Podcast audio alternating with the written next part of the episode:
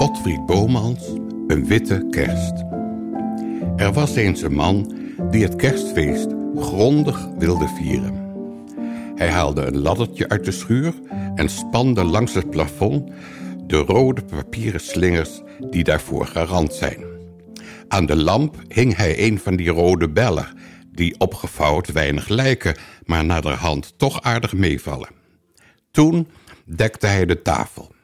Hij had hiervoor urenlang over drie winkels verdeeld in de rij gestaan, maar het zag er dan ook goed uit. Naast elk bord stak hij tenslotte een kaarsje aan, waarvan je er tien in een doos koopt, en klapte in zijn handen. Dat was het teken om binnen te komen. Zijn vrouw en kinderen, die al die tijd in de keuken elkaar met een verlegen glimlach hadden aangekeken, kwamen bedremmeld binnen. Nee, maar, zeiden ze, dat had je nou niet moeten doen. Maar omdat hij het toch gedaan had, gingen ze blij zitten en keken elkaar warm aan. En nu gaan we niet alleen smullen, zei de man, we moeten ook beseffen wat er eigenlijk gebeurd is. En hij las voor hoe Maria en Jozef alle herbergen afliepen, maar nergens was er plaats. Maar het kind werd tenslotte toch geboren, zei het, in een stal. En toen begonnen ze te eten, want nu mocht het, al was er dan veel ellende in de wereld. Kijk, zei de man, dat is nou juist kerstvieren, en zo hoort het eigenlijk. En daarin had hij gelijk. En zij verwonderden zich over de hardvochtigheid van al die herbergiers. Maar het was ook 2000 jaar geleden, moet je denken. Zoiets kwam nu echt niet meer voor. En op dat ogenblik werd er gebeld. De man legde de banketstaaf die hij juist aan de mond bracht... verstoord weer op zijn bord. Dat is nou vervelend, zei hij. Er is ook altijd wat. Hij knoopte zijn servet los, sloeg de kruimels van zijn knie... en slofte naar de voordeur. Er stond een man op de stoep met een baard en heldere lichte ogen.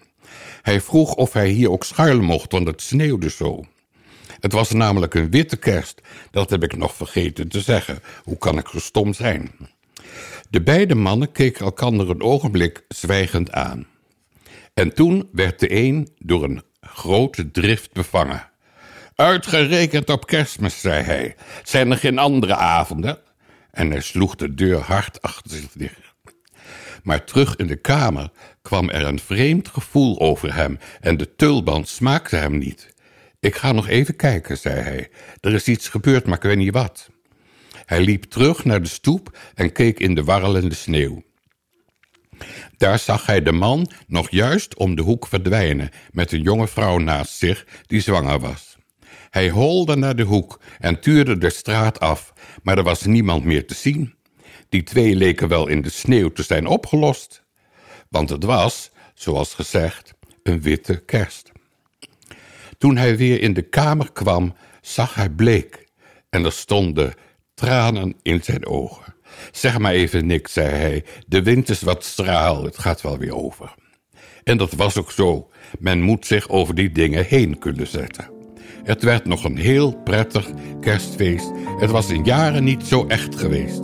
Het bleef sneeuwen de hele nacht door en zelfs het kind werd opnieuw in een schuur geboren.